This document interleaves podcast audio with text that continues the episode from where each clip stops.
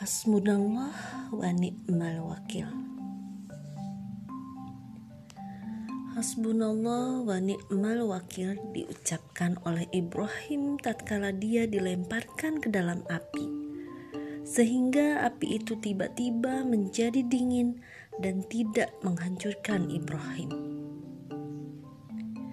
Hasbunallah wa ni'mal wakil juga diucapkan oleh Nabi Muhammad saat perang Uhud.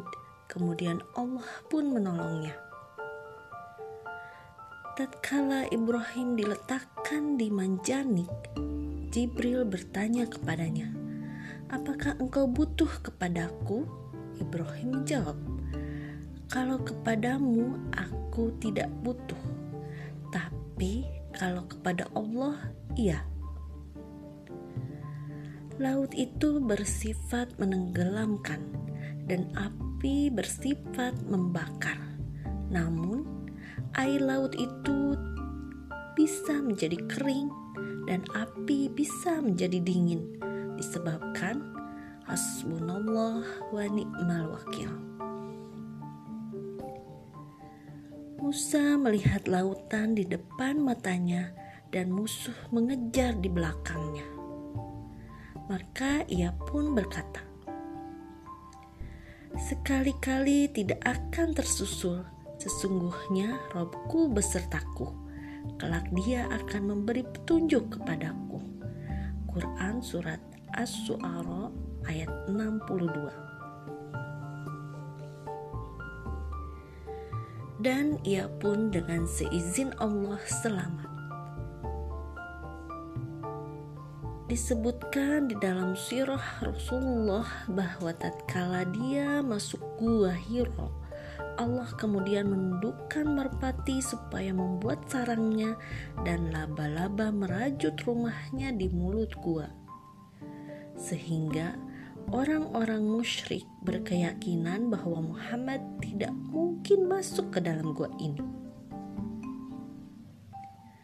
Mereka mengira merpati tidak membuat sarangnya, dan laba-laba merajut rumahnya untuk sebaik-baik makhluknya. Perlindungan Allah tak membutuhkan tameng-tameng pelindung, tidak pula benteng yang tinggi menjulang.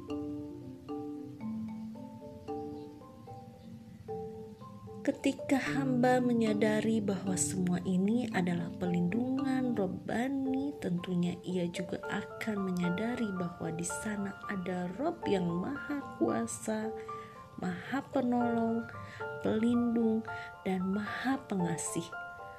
Dan saat itulah ia bergantung kepadanya. Syauki berkata dalam sebuah syairnya, jika pertolongan Allah telah menatapkan matanya, tidurlah, karena semua akan aman adanya. Maka sesungguhnya kamu berada dalam penglihatan kami. Quran Surat At-Tur ayat 48 Maka Allah adalah sebaik-baik penjaga dan dia adalah maha penyayang di antara para penyayang.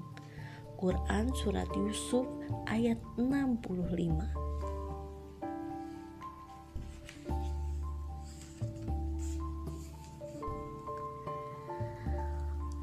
Orang lain yang bergantung kepada Anda dan bukan Anda yang bergantung kepada mereka.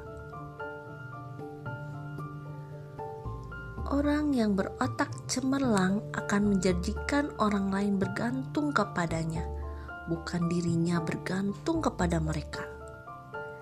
Ia tidak pernah bersikap atau mengambil keputusan dengan menggantungkannya kepada orang lain. Orang memiliki tujuan tertentu yang ingin mereka capai, namun memiliki batas-batas tertentu untuk bekerja sama dengan orang lain.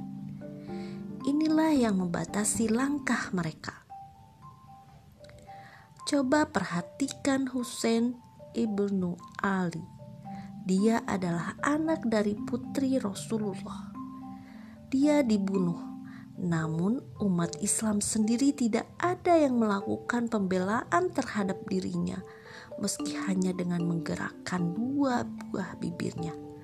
Bahkan sebaliknya, orang-orang yang membunuhnya bertakbir dan mengagung-agungkan nama Allah dengan bebas atas kemenangan besar ini karena mereka telah berhasil membunuhnya. Mengenai peristiwa ini, seorang penyair mengatakan, "Mereka datang dengan kepalamu, wahai anak putri Muhammad, dengan memakai selimut darah yang ada pada tubuhmu. Mereka bertakbir keras-keras karena engkau telah terbunuh, padahal mereka telah membunuh takbir dan tahlil dengan dirimu." Ahmad ibnu Hanbal digiring ke penjara dia dicambuk hingga hampir mati, namun tidak seorang pun yang bergerak membelanya. Taimiyah ditangkap, kemudian dinaikkan Bigol menuju ke Mesir untuk diarak dan dipermalukan hingga mereka yang hadir waktu pemakamannya tidak berbuat apa-apa karena mereka punya batas-batas tertentu dalam menolong orang lain. Dan tidak kuasa untuk menolak sesuatu kemudorotan dari dirinya dan tidak pula untuk mengambil sesuatu kemanfaatan dan juga tidak kuasa mematikan, menghidupkan dan tidak pula membangkitkan. Quran Surat Al-Furqan ayat 3 Hai Nabi, cukuplah Allah menjadi pelindung bagimu dan bagi orang-orang mukmin yang mengikutimu. Quran Surat Al-Anfal ayat 64 Dan bertakwalah kepada Allah yang hidup kekal yang tidak mati. Quran Surat Al-Furqan ayat 58 Sesungguhnya mereka sekali-kali tidak akan dapat menolak dari kamu sedikit pun dari siksaan Allah.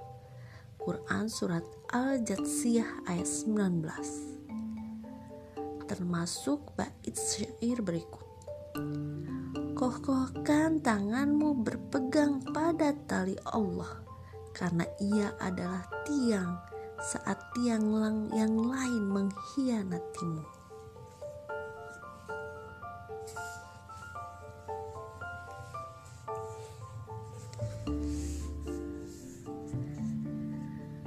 jangan bergantung kepada selain Allah. Jika yang menghidupkan, yang mematikan, dan yang memberi rizki itu adalah Allah. Lalu, mengapa harus ada rasa takut kepada sesama? Menurut hemat saya, yang membuat kesuntukan dan kegusaran itu adalah sikap bergantung kepada orang lain. Keinginan mencari simpati mereka, keinginan untuk dipuji, dan keinginan untuk tidak dicela. Padahal ini merupakan kelemahan dalam bangunan tauhidnya.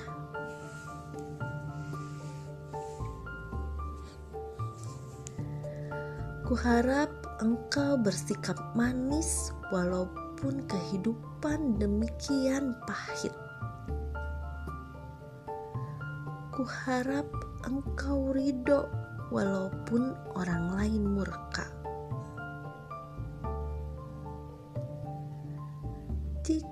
Cintamu membara, maka semua yang lain adalah ringan. Dan semua yang ada di atas tanah itu adalah tanah. Dikutip dari buku La tahzan, jangan bersedih. Karya Dr. Aid Al-Qarni.